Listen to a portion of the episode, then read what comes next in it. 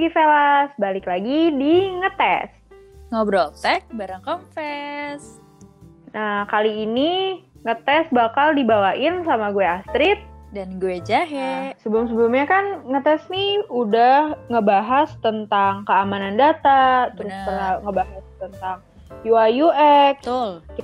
terus juga pernah ngebahas tentang pekerjaan yang muncul karena revolusi industri 4.0.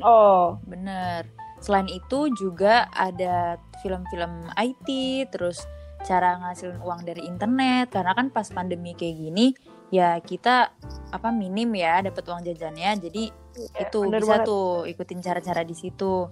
Sama Apalagi ada sebagai pelajar ya. Iya bener banget. Pokoknya masih banyak lagi lah episode-episode yang sangat penting untuk didengar. Iya, bener banget. Jadi kalau sobat Digivelas nih belum pernah eh, dengerin ngetes, coba eh, untuk dengerin podcast-podcast kita dulu karena itu tuh bakal menambah wawasan kalian. Betul banget.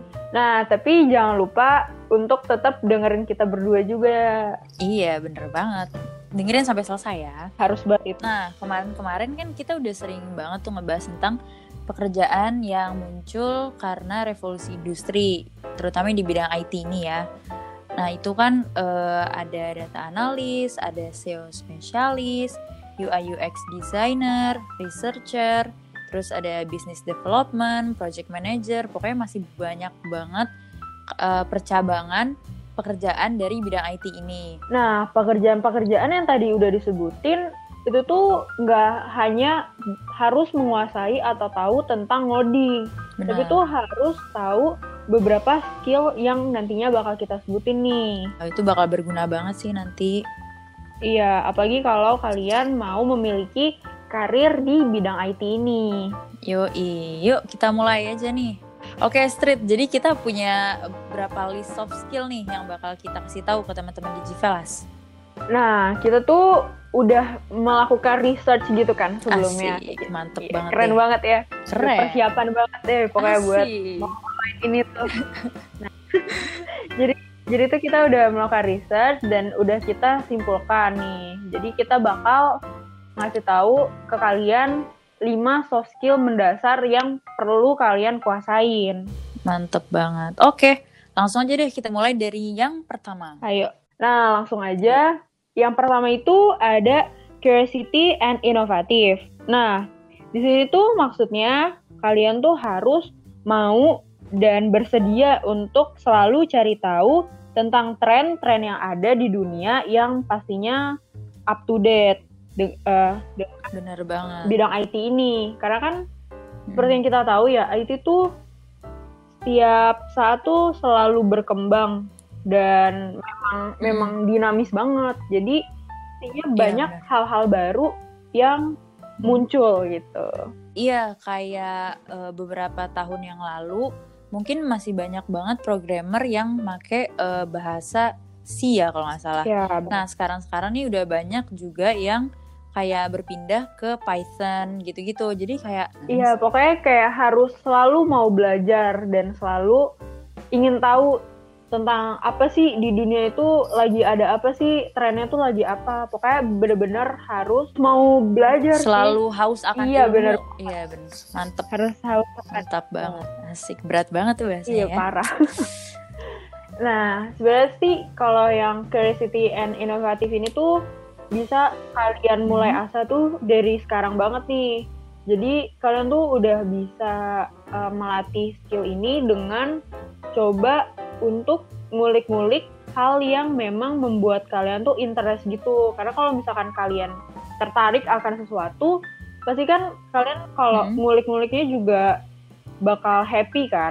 Jadi seru ya, jadi seneng. Ya, jadi Iya, benar-benar. benar. ya jadi coba aja kan sekalian biar kalian tuh tahu interest kalian tuh di mana sih sebenarnya. Betul sekali. Oke.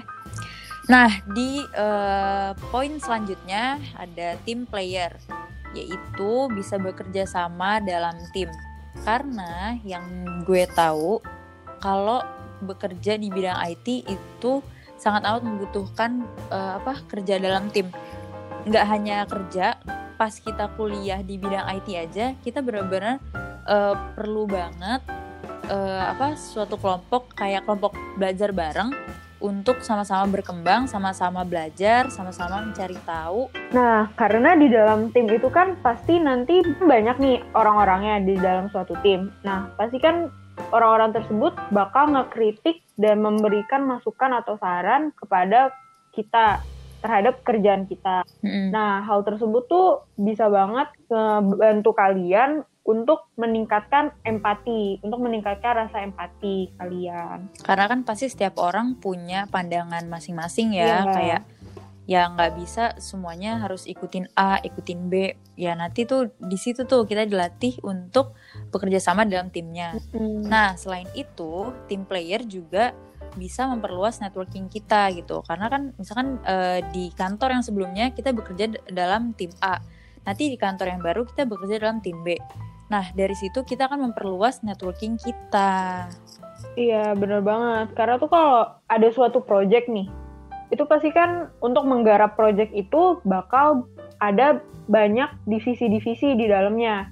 Misalkan ada hmm, benar. programmer, terus ada mm. desain, ada juga uh, project project manajernya. Bener banget. Jadi di situ hmm. team player dan juga communication skill tuh benar-benar sangat dibutuhkan. Karena kalau misalkan communication skill lu jelek gitu, ya pokoknya kurang bagus, kurang baik, nanti project yang mau digarap ya ya nggak bisa karena jadi miscommunication iya, pokoknya banget. bakal nambah problem lagi ya. Mm -mm, bahaya banget. Jadi hal tersebut sangat amat penting. Ngomong-ngomong tentang networking tadi, hmm. kan Astrid juga udah nyinggung tentang communication. Yang selanjutnya yaitu communication. Oh, betul. Yang tadi Astrid bilang communication itu penting banget karena uh, orang-orang yang bekerja di bidang IT nggak cuma berhadapan sama komputer dong, pasti iya, kan. Iya, benar banget. Pasti mereka uh, apa punya teman kerja berkomunikasi ya sama staff-staffnya, sama teman kerja, sama CEO, sama klien. Hmm. Pokoknya saat mereka udah selesai menggarap sistem itu kan pasti nanti presentasi dong ke bosnya, presentasi ke teman-teman staffnya. Belum lagi presentasi ke klien-kliennya. Iya benar banget. Apalagi tuh kalau orang yang bukan programmer itu belum belum hmm. tentu tahu kerjaan kita tuh sebenarnya gimana sih gitu. Jadi kayak belum tentu tahu flow yang sebenarnya kita kita buat tuh kayak gimana. Jadi di sini tuh lu harus mempresentasikan flow kepada orang-orang awam istilahnya kayak gitu. Berarti kayak merangkum bahasa komputer itu menjadi bahasa komunikasi sehari-hari gitu ya. Iya. Simpelnya gitulah. Iya, benar-benar. Betul. Oke. Okay. Nah, selanjut selanjutnya. Selanjutnya itu ada problem solving and critical thinking. Nah, Waduh, iya ini ini berat. paling berat sih, enggak sih? Ya, ya udahlah paling berat pokoknya. Nah, yeah. Seperti artinya nih, problem solving kan artinya memecahkan masalah dan critical thinking itu berpikir kritis.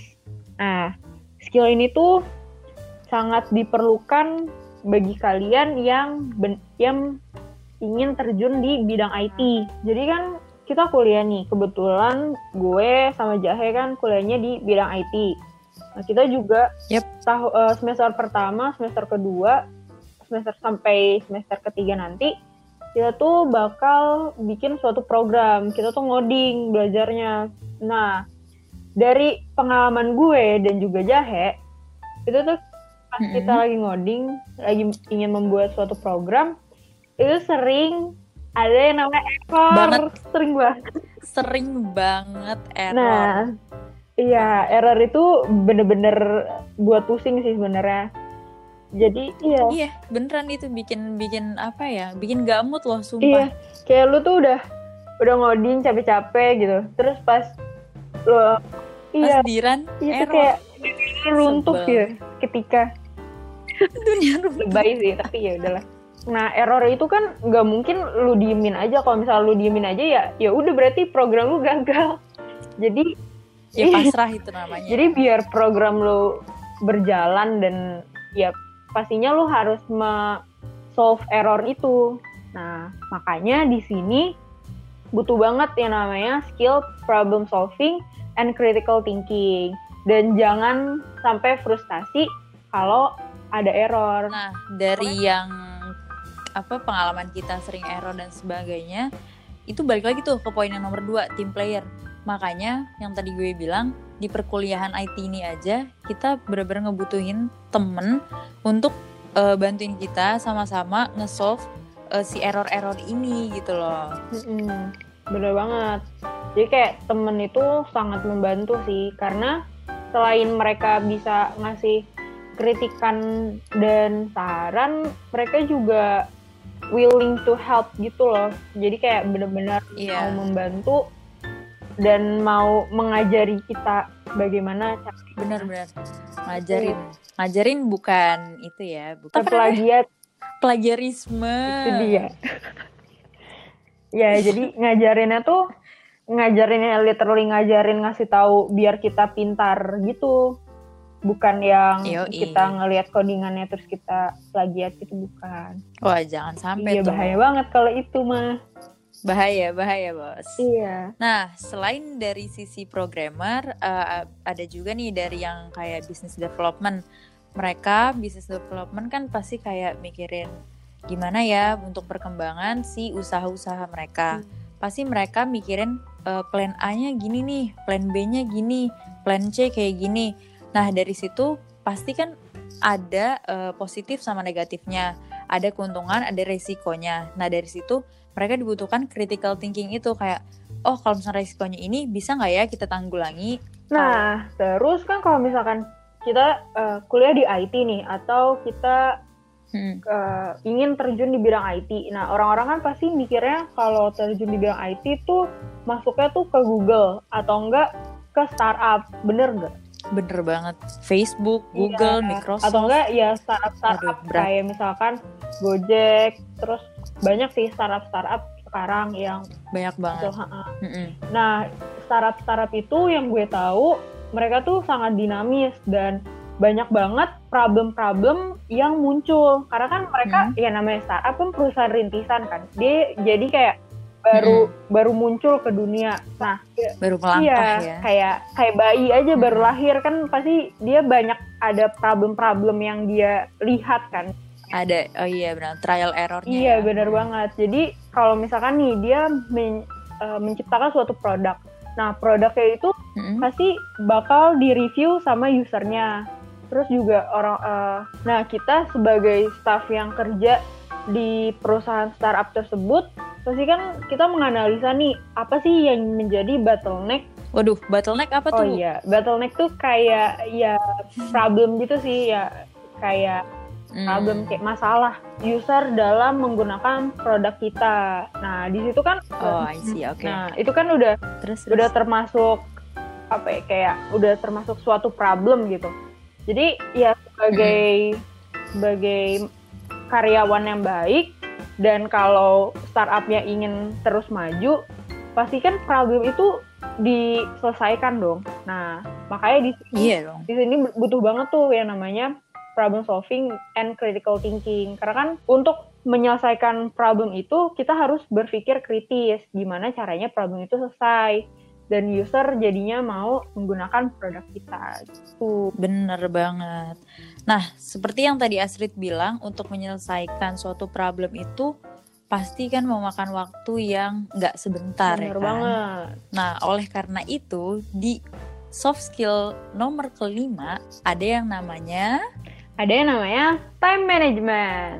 apa tuh gimana tuh? Nah, seperti artinya time management kan ya basically mengatur waktu lo kayak setiap manusia kan waktunya tuh ada 24 jam. Terus 8 jamnya itu Betul. kalian pakai buat Tidur. ih enggak. Oh, belum.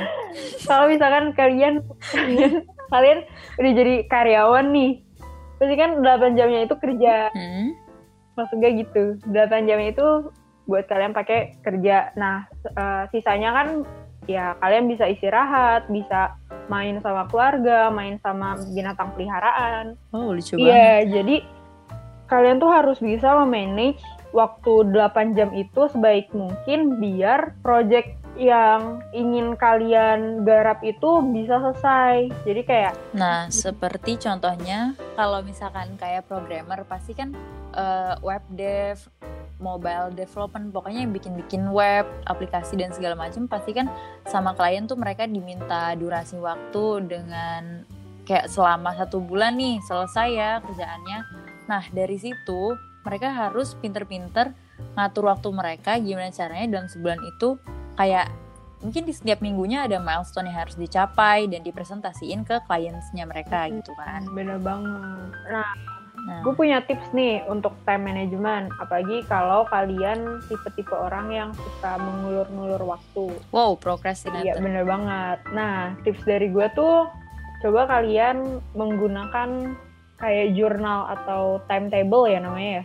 Nah itu tuh kalau kalian tulis secara rinci misalkan di blog eh, tanggal berapa, milestone-nya apa, apa yang harus kalian lakukan di hari itu, itu tuh bakal ngebantu banget sih. Kayak jadi tuh kalau kalau buat gue sih eh, timetable itu kalau udah gue tulis hari ini tuh gue ada apa aja, gue tuh merasa tertekan gitu, kayak merasa tertekan hal tersebut tuh harus selesai hari itu juga. Jadi itu yang nge gue Oh, iya, benar. biar nggak mengulur-ngulur waktu. Dan kalau misalkan gue cepet nyelesain hal tersebut, kan nantinya gue bisa apa sih kayak ngerjain yang lain iya gitu ya. atau enggak gue bisa istirahat nonton Netflix kayak gitu. Mm. Wow. Iya Sebenarnya itu tertekan in a good way ya. Mm-mm sih. Tapi tetap aja kayak stres gitu, Apa? tertekan.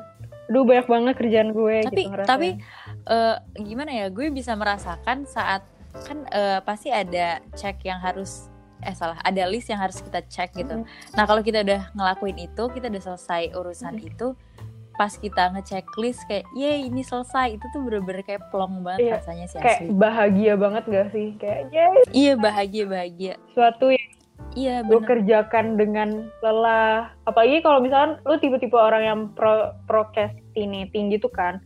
Itu tuh Mm. pasti untuk mengerjakan itu tuh butuh effort banget gitu. Ngerti gak sih? Asli untuk memulai aja tuh kayak ah gitu. Itu sangat harus sangat semangat Mm-mm, 45. sangat membutuhkan effort lebih. Jadi pas lu kerjain terus selesai itu bakal rasanya tuh bahagia banget. Itu beda banget Terus lu feelnya guys. bakal- Beneran deh. Mm-mm. Terus lu nantinya juga bakal punya waktu lebih lama untuk istirahat daripada kalau lu mengulur-ngulur waktu. Nah dulu gue tuh juga sering kan kayak procrastinate gitu. Dan apa-apa tuh nggak dicatat gitu loh. Hmm, Nah sekarang semenjak gue udah mencoba untuk kayak nyusun agenda. Jadi di kalender di HP tuh pasti gue kasih catatan jam segini gue ada ini ada webinar Hmm. gitu misalkan. Jam segini ada rapat dan sebagainya. Nah itu sebenarnya menurut gue ya itu membantu gue untuk lebih apa ya lebih rapih lebih tektok gitu loh dalam nge-manage waktu itu gitu. Iya. Jadi kayak gue sangat amat menghargai waktu asik Memang. gila. Apalagi kalau misalkan di HP kan biasanya 10 menit atau beberapa menit sebelum acara atau Oh Iya, reminder ada ya. reminder ya. Jadi itu bener-bener ngebantu Mm-mm. banget. Kayak lu misalnya lagi tidur-tiduran nih, terus tiba-tiba di HP lu muncul notif, eh taunya lu harus ngerjain tugas. itu gue pernah sih gue lagi nonton Netflix terus ada 30 menit lagi ada agenda ini terus gue yang kayak ah oke ya mau nggak mau harus Iya, bangun karena kalau lu nggak bangun nanti malah urusannya susah lagi nggak sih? parah itu malah jadi malesnya tuh berkelanjutan Iya. nanti dan kayak agenda selanjutnya bakal mundur Iya, semua. jadi hancur semua gitu. iya bener jadi hancur sih nan- iya, Nah. nantinya lu jadi stres lagi, stres sendiri. stres lagi nah makanya itu sangat amat penting nih time management tuh sangat amat penting Mm-mm. Sebenarnya kalau time management eh, nggak harus lu udah jadi karyawan sih. Bahkan saat lu jadi pelajar aja tuh itu sangat-sangat dibutuhkan. Iya, Iya, apalagi kalau lu tuh orangnya mau aktif kegiatan-kegiatan di sekolah atau enggak di kampus.